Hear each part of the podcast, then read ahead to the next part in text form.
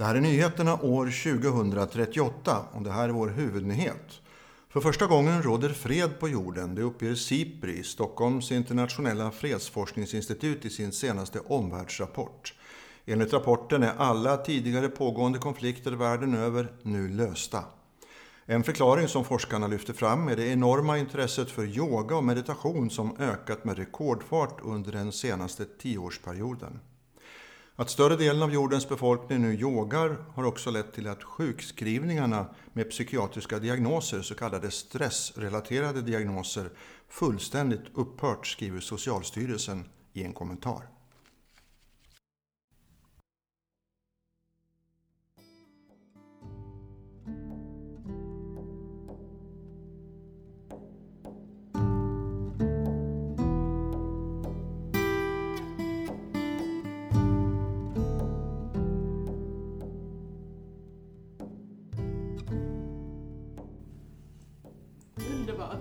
Tror du att du skulle fortsätta att rapportera nyheter om du bara fick rapportera sådana här nyheter, Ulf? Mm, det tror jag.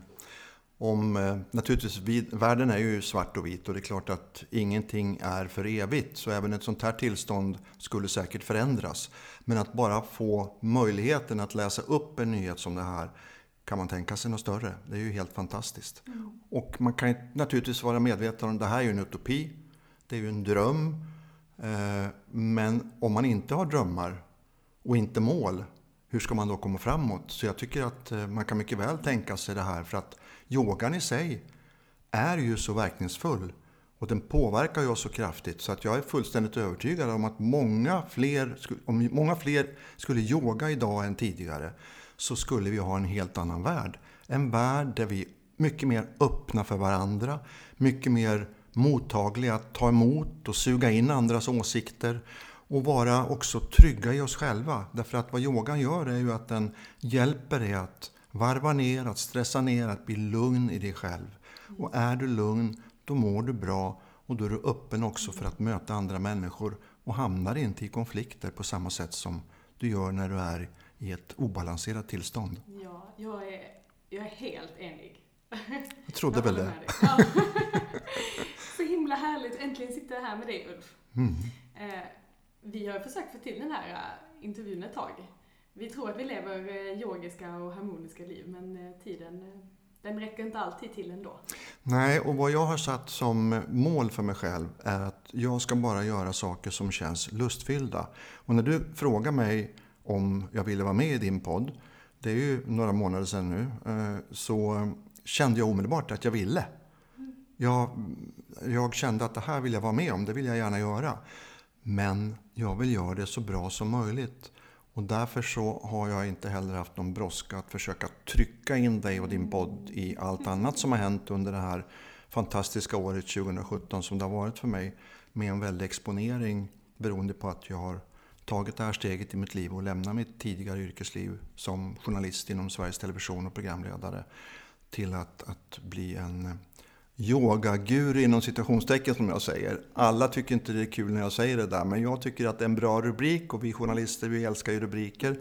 Så den där får sitta kvar, men med citationstecken och då tror jag alla fattar att jag inte ser mig som en guru utan som en människa som har möjlighet att tack vare min bakgrund sprida yogan till så många som möjligt. Mm. Sen är det en annan sak att eh, i viss mån kan jag väl ändå se mig som en guru för att guru innebär ju att Lite fritt översatt kan man ju säga att det är ju ändå en människa, en person som leder in från mörker till ljus. Och det är ju ändå vad jag upplever när jag är lärare.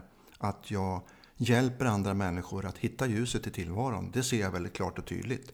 Så på det sättet kan jag väl ändå säga att jag är en liten guru i alla fall. Vi alla som håller på med det här kan väl vara smågurus här. Ja, vi är alla gurus på vårt eget vis. Ja, det tycker jag var bra sammanfattat.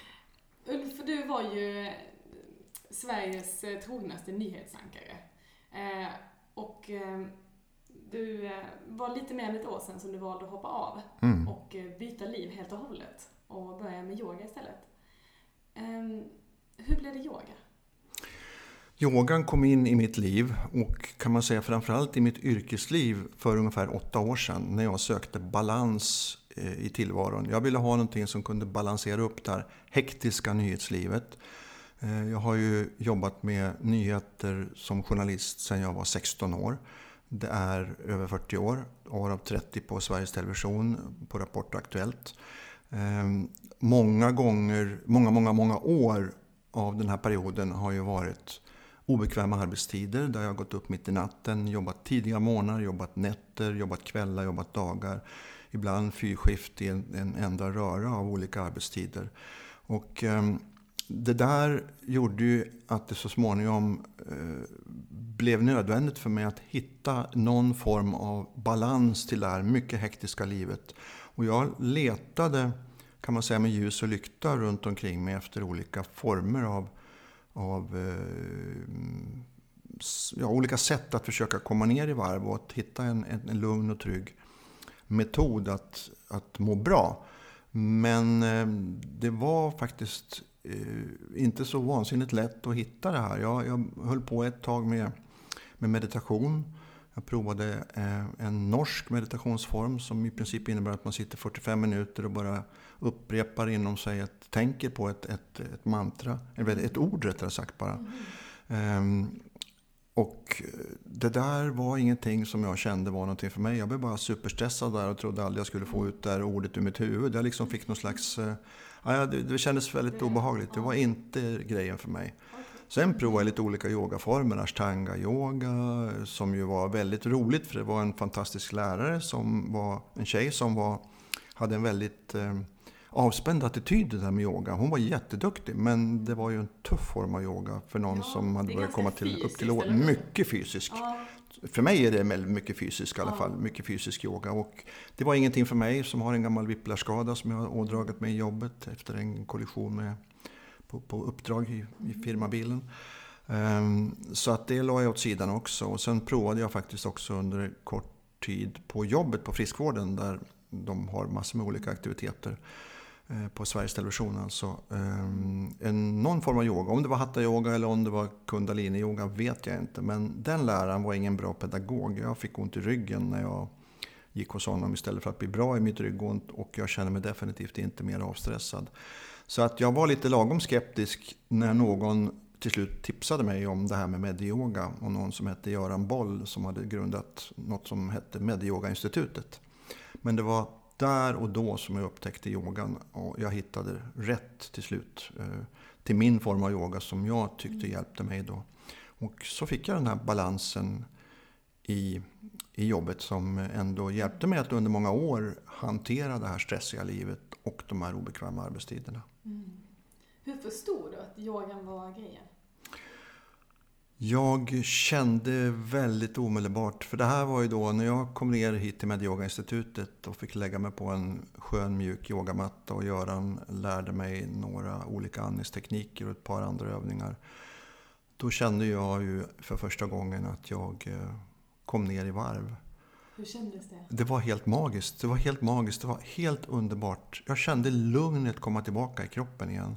Mm. Och då lovar jag att då hade jag inte känt så på väldigt många månader och år skulle jag säga. Det är klart jag har haft mina lugna stunder men jag har hela tiden haft under långa perioder någon slags oro i kroppen där jag liksom haft andningen här uppe i näsan i ett uppdrivet tempo även på fritiden. För mitt problem var att jag kunde inte hitta bromspedalen. Mm. Jag var jättebra på att gasa, var jättebra på mitt jobb och jag var cool i mitt jobb. Alltså många runt omkring mig tycker jag eh, vittnar om att jag ändå var professionell på det sättet att jag kunde hantera oväntade saker. Och det ligger ju i programledarrollen också att man ska kunna plocka upp händelser som inträffar mitt under sändning, ändå vara lugn och gå vidare. Så där var jag ju proffs, men jag var inte proffs på att varva ner när jag kom hem. Och här, på mattan, kände jag ju då att jag fick tillbaka kontrollen över kroppen igen och det var bara det magiskt. Ah, magiskt. Ah. Och det är så intressant när du beskriver det. För jag tror att det är ganska klassiskt om man är uppe i varv, att det blir så här, man längtar efter den här bromsen men vet inte hur man ska hitta den. Mm. Och hur, eh, eh, under tiden du var stressad eller uppe i varv, kunde du då känna att du ibland vilade? Eller hade du helt tappat bort vad vila var? Nej då, eh, jag kunde hitta stunder där jag kunde vila också. I naturen till exempel. Alltså Ehm, om jag hittade ett ställe där jag kunde sätta mig vid en strand och bara titta ut över horisonten och se vattnet och bara höra vågorna runt omkring mig. Det är klart att jag så småningom gick ner i varv, men inte omedelbart när jag satt mig. Jag minns fortfarande att jag, eh, vi bodde utanför Stockholm då ehm, och vi hade en jättefin eh, promenadsträcka runt en liten sjö där som eh, var en sån här stund som jag ständigt återkom till. Men jag kan fortfarande komma ihåg hur jag kunde stå där och låta solskenet svepa över ansiktet och bara njuta av det. Men samtidigt försöka göra olika former av avstressningsövningar för att komma ner i varv. Och jag kan inte säga att jag alltid lyckades eh, med det heller. Då. Det var innan jag hade hittat yogan här. Mm. Eh, så att jag stod där och, och gjorde diverse sådana här avspänningsövningar men, men, kände fortfarande mig stressad. Trots det här härliga ögonblicket när bara solen värmde mig. Mm. Förstod du själv då hur stressad du var? Jag eh, förstod inte från början vad det var som hände i min kropp. Eh, det som utlöste eh, kan man säga en bättre förståelse för vad det var. Det var när jag skulle gå till min talpedagog för att vi har ju ständigt möjlighet att öva och vårda våra röster eftersom det är våra arbetsredskap. Mm. Ehm, och när hon skulle göra vissa avspänningsövningar med mig och jag skulle framföra olika texter på olika sätt. Och jag kände att jag kunde inte slappna av ens i den situationen när hon verkligen jobbade med mig. Då, då började jag fatta att eh, det var något fel. Och det här var under den mest hektiska perioden i mitt liv kan jag säga. Det är då det är nu faktiskt ännu längre tillbaka det här. Det här är uh, ungefär 15 år sedan tillbaka. När jag mm. jobbade på SVT 24 där vi sände dygnet runt. Mm. Vi sände nyhetssändningar en gång i halvtimmen och program mellan nyhetssändningarna. Och allt var nästan live, alltså utan bandade reportage därför att vi hade så små resurser. Mm. Det var en experimentverkstad som var oerhört rolig, fantastisk att få vara med om därför att jag lärde mig oerhört mycket. Att hantera den här typen av direktsändningssituationer, att leda debatter, utfrågningar, göra de här snabba nyhetsförändringarna mellan sändningarna. Men det var också sånt som tack vare det här, bland annat då jobbade vi fyrskift som jag pratade om innan här och det var ju då en sån faktor som jag kände till slut att det blev för mycket och att det liksom nötte ut mig. Så redan då, alltså för 15 år sedan, så eh, var jag, det var då jag egentligen var på väg att gå in i väggen. Jag skulle inte säga att jag gick in i väggen, men jag var väldigt, väldigt, väldigt nära. Mm. Men jag fick hjälp av en fantastisk eh, sjukgymnast som hade jobbat mycket med avspänning och en förstående läkare som förklarade för mig en sak som jag aldrig hade kunnat för, föreställa mig. Jag, jag, hade inte tänkt i de banorna. Kan du? Vad var det? Ja, du kommer att känna igen ordet. Okej, berätta. Det var återhämtning. Mm. Han sa till mig, jag förstår att du har det väldigt roligt på jobbet. Att du har kanske till och med den roligaste stund du någonsin har varit med om i din journalistiska karriär. Men det räcker inte med att bara ha roligt. Du måste ha tråkigt på jobbet också. Mm. För att få tid att återhämta dig. Mm. Vad och det där? Det var en aha-upplevelse. Jag hade inte tänkt så. Jag hade bara kört på och tyckt att det här var kul och hade inte tänkt att kroppen låter kanske lite naivt men, men jag tror många inte riktigt lyssnar så väldigt bra inåt på sig själva utan vi rusar på och tänker att det här ska nu fixa sig för det här är kul. Mm. Men det var, det var en avstamp och redan där tror jag att jag fick en insikt i det här med hur viktigt det är att verkligen ta sig själv på allvar, att lyssna inåt och att jobba med sig själv. Så att jag tror att där förberedde jag det som skulle komma betydligt senare i mitt liv då, ungefär för åtta år sedan nu, yogan. Ja. Och för det var det ganska tydligt, din kropp den skickade ganska tydliga signaler. Vad var det? Det kan man säga. Om jag går tillbaka till de signaler som fick mig nu att ta det fullständiga steget ut och släppa jobbet. Mm. Så var det väldigt, väldigt tydligt. Mm. Jag hade ett hjärta som gick väldigt orytmiskt. Och då menar jag väldigt orytmiskt. Det var verkligen inte så att man kunde känna att det här var ett lugnt tickande hjärta. Mm. Det oroade mig väldigt mycket, även om jag visste att eh, den här typen av extra slag kan man ha utan att det behöver vara något farligt. Men en del upplever det här som väldigt plågsamt, andra känner nästan inte av det. Jag var nog någonstans där mittemellan. Jag tyckte att det var väldigt obehagligt stundtals. Jag hade svårt att sova, framförallt när jag då skulle jobba morgon när jag började klockan tre på natten och jobbade fram till halv tolv på dagen. Ehm, varje sånt pass som eh, dök upp framför mig hade jag svårt att sova. På slutet, då hösten 2016, så ehm, sov jag kanske bara två till tre timmar per natt. Och då ska man veta att under de kanske 8-10 år som jag har jobbat så här innan så har jag förmodligen bara sovit fem timmar per natt. Och du är ju själv läkare och ni brukar ju säga att åtminstone 6-7 timmar ska man ha per natt. Mm. Så jag hade nog ett sömnunderskott. Och det förvärrades på slutet här till att det blev ett akut underskott av sömn när jag bara sov de här korta perioderna. Mm. För att jag kunde inte koppla av.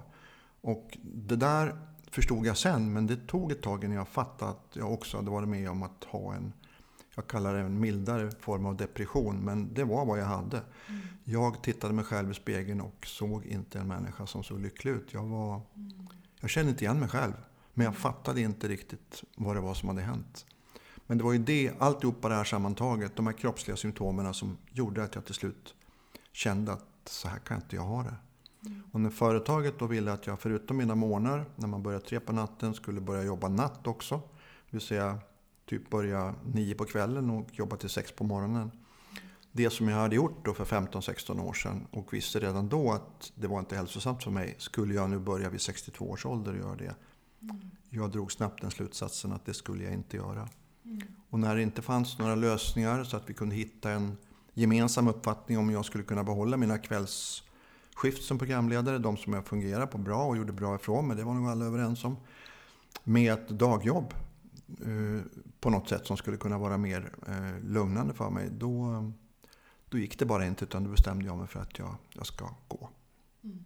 Och du valde hälsan Jag valde mig själv. Jag valde mig själv och det har jag inte ångrat. Verkligen inte. Mm. Jag mår mycket bättre nu, jag känner mig lugnare, jag har ett mer harmoniskt liv.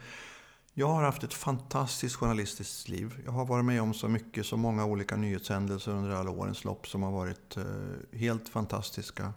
Och fått vara med om att rapportera om stora och små händelser som har berört väldigt många människor. Mm. Så jag ångrar det verkligen inte. Det har varit en, en otrolig yrkeskarriär. Men eh, jag kände också på slutet att var sak har sin tid och när man börjar känna att det nöter ut den och att det liksom gräver sig in igen och tar livet ur den, suger ur livet ur den. Då måste man mm. ta sig själv på allvar och försöka hitta en förändring. Mm. Och det var det jag gjorde. Och du får fortfarande beröra människor väldigt djupt med yogan, för det har vi konstaterat att yogan är väldigt kraftfullt. Mm. Ser du några likheter mellan att vara nyhetsreporter och eh, yogalärare? Det finns många likheter. För det första så sitter du ju tillsammans med människor som lyssnar till dig och som har sin fulla uppmärksamhet riktad mot dig. Oavsett om du sitter framför en miljonpublik som du inte ser när du sänder Rapports 1930-sändning eller om du sitter i en yogasal med 35 människor som visserligen blundar, men du känner ju närvaron i bägge fallen väldigt påtagligt. I yogastudion så känner du ju verkligen bokstavligen energierna i rummet av alla dessa människor som sitter där och lyssnar och tar in vad du säger och använder sig av det för att själva hitta en stund där de kan må mycket bättre. Mm så det är en informationssituation i bägge fallen där det gäller att vara tydlig, klar och enkel och vara van att kunna hantera eh, människor runt omkring dig och ha det här fokuset att kunna vara närvarande. Och dessutom eh, skulle jag ju säga också att jag i bägge fallen har haft nytta av att jobba med min röst. Mm. Därför att även om det inte är radio och TV så betyder ju ändå rösten väldigt mycket. Och eh, där har jag ju väldigt mycket igen tycker jag när jag leder mina yogaklasser också.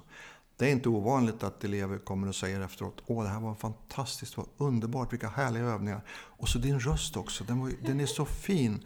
Och då, man tänker kanske inte direkt på att man har en behaglig röst, men när den ena efter den andra till slut säger det, då börjar man förstå hur viktigt det är med det här personliga förhållandet till den människa som sitter på yogamattan och leder den här klassen också. Och där är rösten väldigt betydelsefull. Så där har jag också haft nytta av att kunna jobba med det som jag tekniskt lärde mig behärska som programledare. Mm. Fint, använda det på rätt sätt. Ja. Jag skrattar alltid när folk kommer fram efteråt och så säger de Åh, jag älskar dina yogaklasser, de är så bra och, och så har du så härlig dialekt. jag tycker det känns så opersonligt, men det är egentligen personligt. Du har rätt i det. Mm. Um, Ja, jag tänker att, åh, få beröm för en bra yogaklass, men så är det inte alltid. Alltså, det där kan man ju känna igen som programledare också. När man efter att ha gjort en väldigt fantastisk eh, sändning med rätt krävande insatser, många liveintervjuer och eh, svåra situationer, så är det någon som kommer till vilken snygg slips du har. Då skulle man kanske vilja att man såg djupare, men jag tänker ändå att det är ett uttryck för att de har varit närvarande på sitt sätt. De har naturligtvis uppfattat allting annat jag har sagt också. Mm. För det får inte vara så att slipsen tar över handen, så man kan inte ha för brokig slips. Mm. Och kanske inte för avancerad dialekt heller, jag vet inte. Men, men det bör, man bör ju vara, liksom, ha möjlighet ändå att få folk att koncentrera sig i, i nuet när man, när man är där. Eh, men, men jag, kan, jag kan förstå vad du menar när man känner ibland att man kanske skulle vilja höra Åh, just den där övningen var väldigt skön istället för men vi konstaterade så. innan också att det är fint när personlighet får lysa fram och det är kanske ett uttryck för det. Ja, och jag tänker alla har ju vårt sätt att uttrycka mm. tacksamhet och glädje också. Mm. Och för en del kanske det kan vara att specifikt gå in på det och det passet. Det gjorde mig jätteskönt och den här meditationen, meditationen mm. var fantastisk. Men i, i, vissa fall kanske är, uttrycket är detsamma, de, de, vilken härlig dialekt du har. Mm. Därför att alla har heller inte möjligheten kanske och förmågan att kunna och våga och öppna upp och säga det de innerst inne känner. Mm. Det kanske kommer om tre eller fyra eller fem eller tio gånger. Mm. Så kanske det kommer något annat än din dialekt också, tänker jag. Mm. Jag är ändå så beundrad över dig att du eh, valde att gå ifrån det yrket som du hade och välja en helt annan bana i livet. Och jag tycker alla människor som gör det och på något sätt vill följa sitt hjärta och göra det de tror på är beundransvärda. Eh, men det är svårt, tänker jag, att byta identitet när man har en stark bild av vem man själv är och bryta sig loss och bryta mönster och idéer. Och du som offentlig person, som har haft hela Sveriges ögon på dig, de har sett dig som en person, att välja att bryta dig loss från det och gå en annan väg. Hur var det? Mm. Man skulle kunna tro att det kanske var sådär vansinnigt svårt. Ehm, men när jag började tänka efter eh, så var det i själva verket i den akuta fasen rätt lätt. Därför att det fanns ju liksom ingen återvändo för mig. Jag var tvungen att välja det här om jag inte... Det här låter lite dramatiskt, men du gillar ju dramatik sa du innan vi började här. om jag inte skulle gå under. Jag säger det därför att jag är inte säker på att jag hade orkat jobba så mycket mer utan att ha blivit sjuk eller dålig utav det här stressiga jobbet. Ehm, så att det var väldigt lätt. Men att sen byta hela det här fantastiska 40-åriga journalistiska livet och framförallt de sista 30 åren som, som tv-personlighet eller tv-programledare. Det är ju inte så vansinnigt lätt i sig. Därför att du är van med att ha strålkastarljuset på dig och jag hävdar med bestämdhet att många av oss som väljer det här yrket gör det av en speciell orsak. Du kanske behöver lite extra bekräftelse, du behöver bli sedd. Du får det i den här stunden när du är i direktsändning, när lamporna är på. Mm. När lamporna sen slocknar och du inte har den här personligheten eller identiteten, då kan det för många vara en väldigt svår omställningsperiod. I mitt fall så var det så här att jag har hela tiden sett till att jag har odlat många privata intressen. Mm. Jag är vansinnigt road av, av stillbildsfotografi. Jag älskar Frankrike vilket har gjort att jag har djupdykt i det franska språket och tycker det är fantastiskt. Um, jag har en hemlig dröm som jag har berättat som inte är hemlig längre. Att, att jag egentligen skulle vilja ha blivit porträttfotograf därför att precis som när du och jag sitter och pratar nu så är det ett fantastiskt möte över kameran. Jag har många sådana många såna fritidssysselsättningar som som har hjälpt mig ändå att, att få det här som en, en mjuk övergång. Men eh, i grunden är det naturligtvis inte helt lätt därför att man kan se på många kollegor som har svårt att släppa. De klarar inte riktigt av att låta den där lampan slockna. Mm. De fortsätter, försöker hålla sig kvar vid det de kan och det de är proffsiga på. Det vill säga att TVn har blivit deras identitet. Jag ville inte dit så att jag var inställd på det här men ändå är det klart att det är en omställning som eh, inte är helt lätt. Men fanns också en ingrediens i det här som jag började känna och det var väl det att på något sätt tror jag att jag alltid har letat efter ett väldigt speciellt rum för mig att vara i, att vara mig själv. Jag var i det här nyhetsrummet där allting räknas i sekunder och minuter.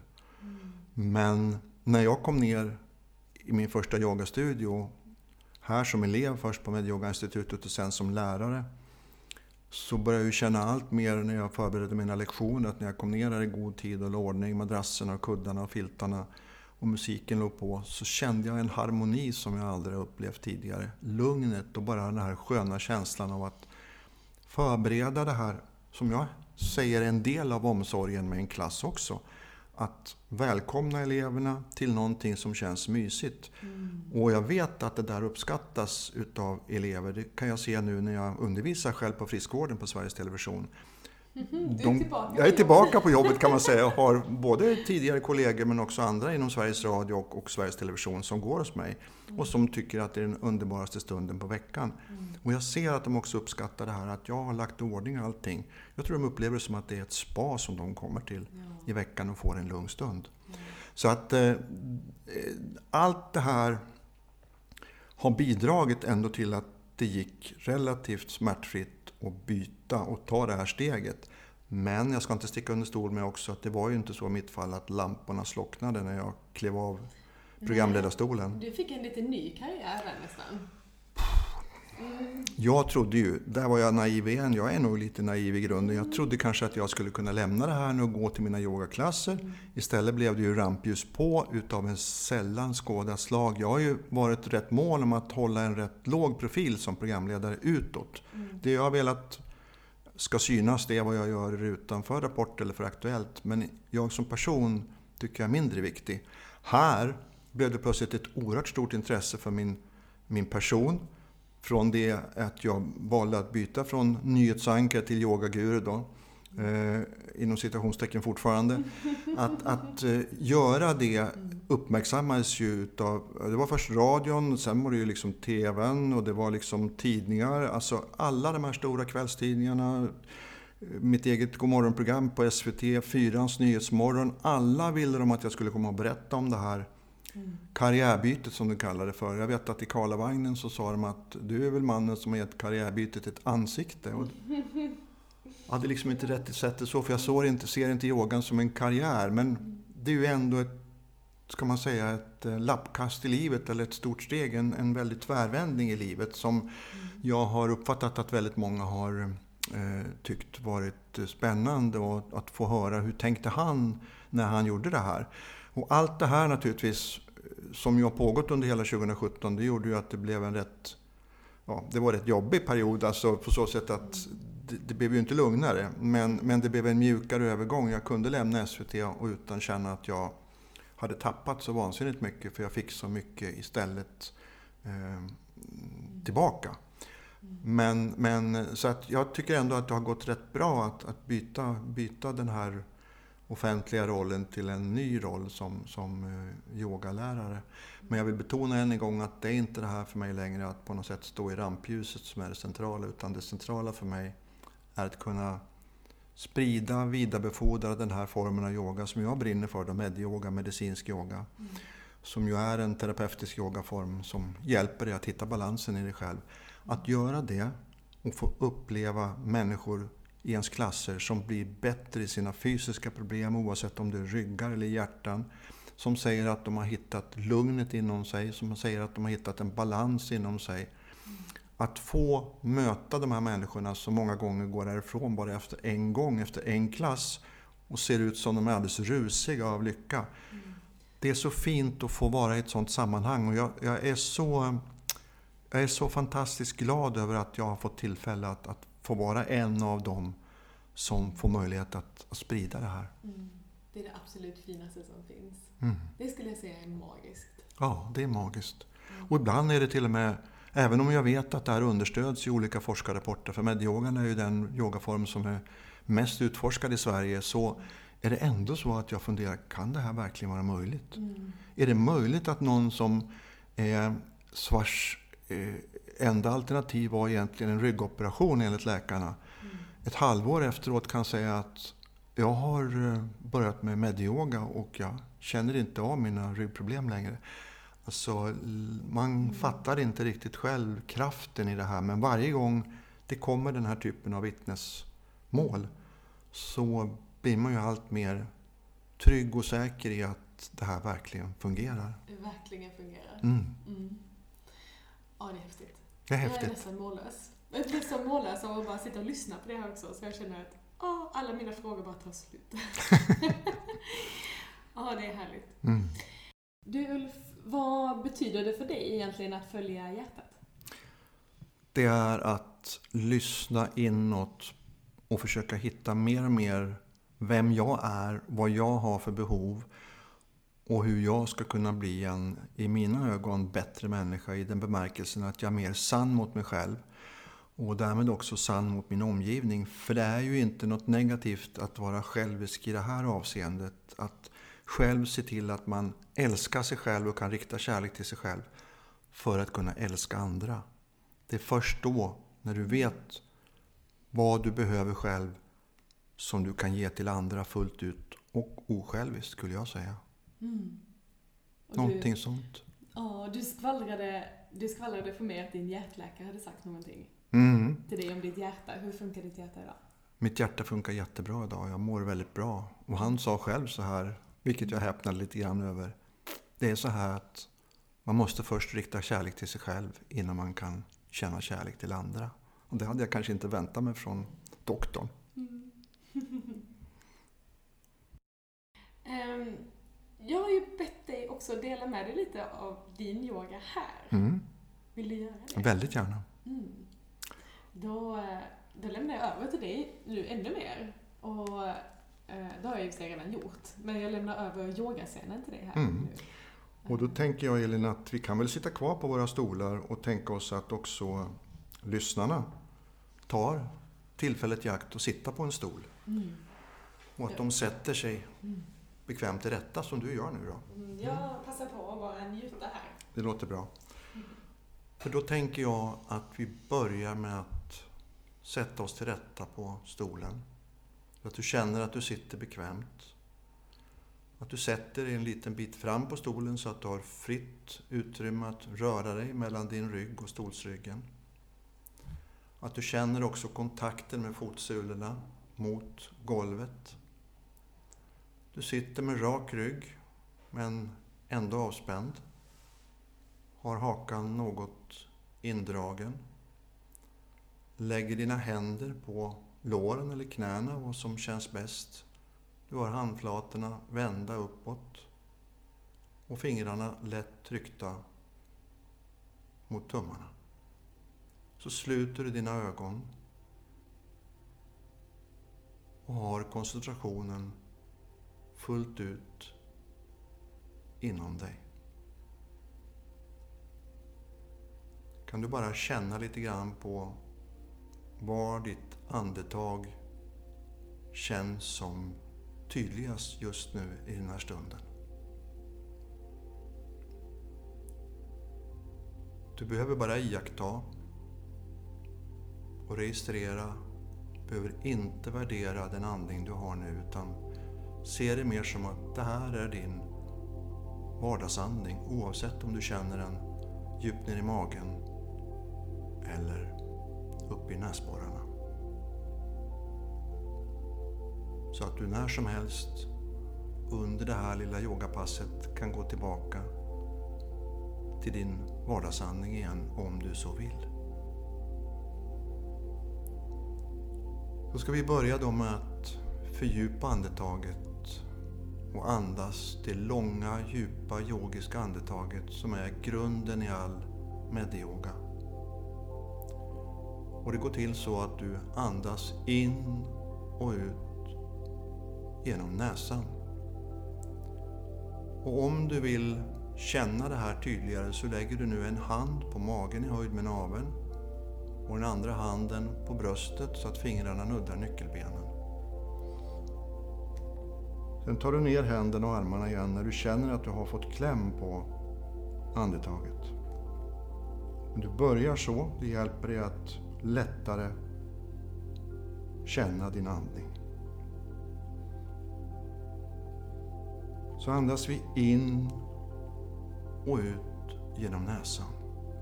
Och när du andas in och tar ett kraftfullt andetag in så känner du hur du fyller lungorna med luft och samtidigt så pekar då magen framåt. Den expanderar och pekar framåt när du sitter upp. Och så fortsätter du fylla lungorna med luft så att även bröstkorgen vidgas.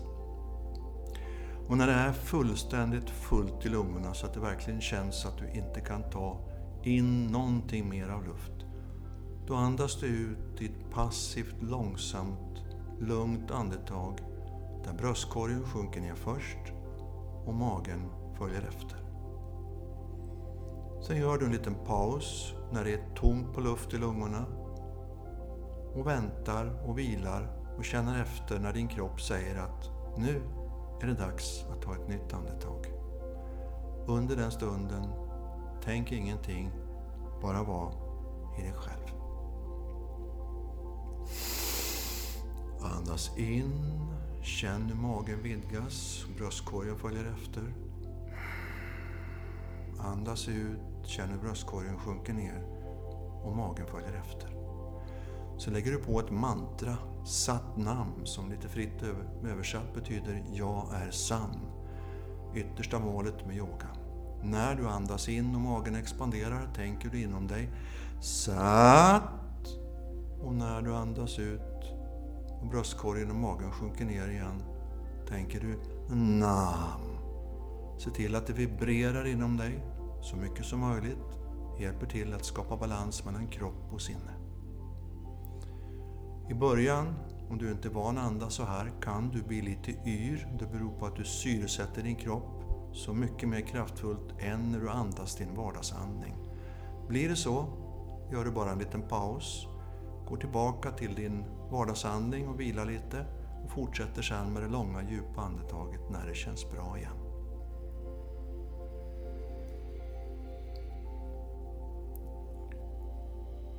Ska vi göra två övningar och den första övningen är en övning som heter ryggflex. Du sitter precis som nu, men du tar tag med händerna runt knäna.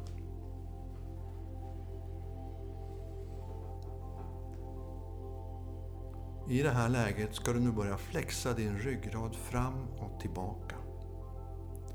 Du skjuter fram dina höfter så att du svankar lite grann med ryggen och i det här främre läget skjuter du upp bröstbenet lite snett uppåt och håller tillbaka axlarna. Sen rullar du tillbaka på bäckenbotten och svanskota, kurar med ryggen som en banan och går så långt bakåt att armarna är fullständigt utsträckta. Och sen rullar du framåt igen på bäckenbotten och svanskotan. Du andas in och tänker satt i det främre läget. Andas ut och tänker nam i det bakre.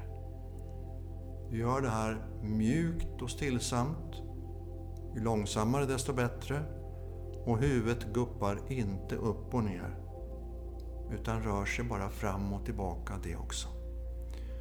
Den här övningen gör att det händer mycket i din kropp bara du gör den här enkla rörelsen fram och tillbaka. Du ökar genomblödningen i musklerna i den nedre delen av ryggen du får en mjuk massage av både diskar och kotor i hela ryggraden. Du får en massage också av hjärtat när du stretchar andningsmuskulaturen. Och du kommer åt, precis som med det långa djupa andetaget, kroppens lugn-ro-respons. Det parasympatiska nervsystemet som är din broms, som jag brukar säga, som hjälper dig att komma ner i varv. Det här kan du göra i ett par minuter. Och när du har gjort det, stannar du upp i mitten, räta lite på ryggen, andas in, andas ut och så vilar du ungefär 30 sekunder.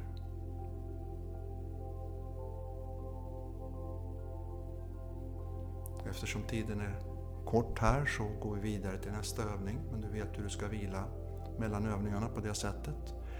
Nästa övning är också en enkel övning. En ryggvridning där du lyfter upp dina händer på axlarna, sätter fingrarna fram, tummarna bak. Andas in och tänker satt och vrider sedan hela överkroppen till vänster. Vänster armbåge går så långt bakåt du kan.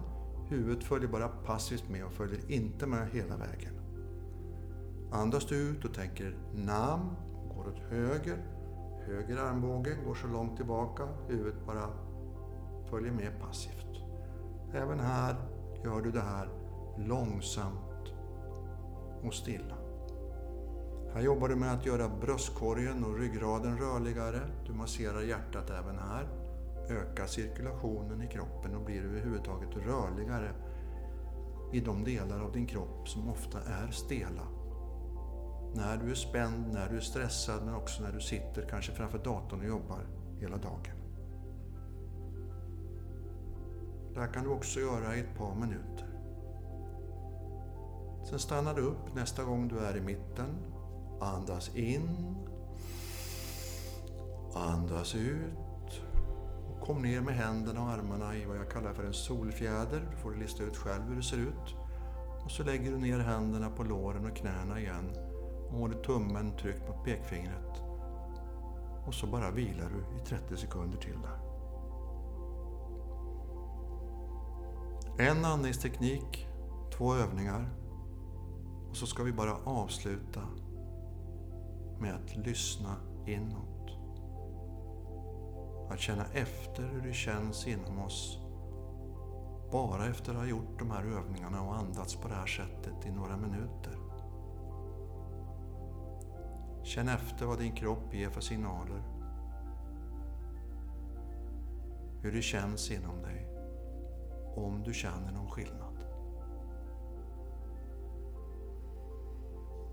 Sen tar du ett långt djupt andetag in. Andas ut. Och sen öppnar du sakta dina ögon. Och tacka dig själv för att du har under några minuter valt dig, valt en stund som kan göra att du mår bättre, att du blir lugnare och mer är i samklang med dig själv. Mm. Magiskt. Och är med och bidrar till att världen blir en sån där utopi år 2038. Mm. Det vore väl härligt. Tack. Tack Elin.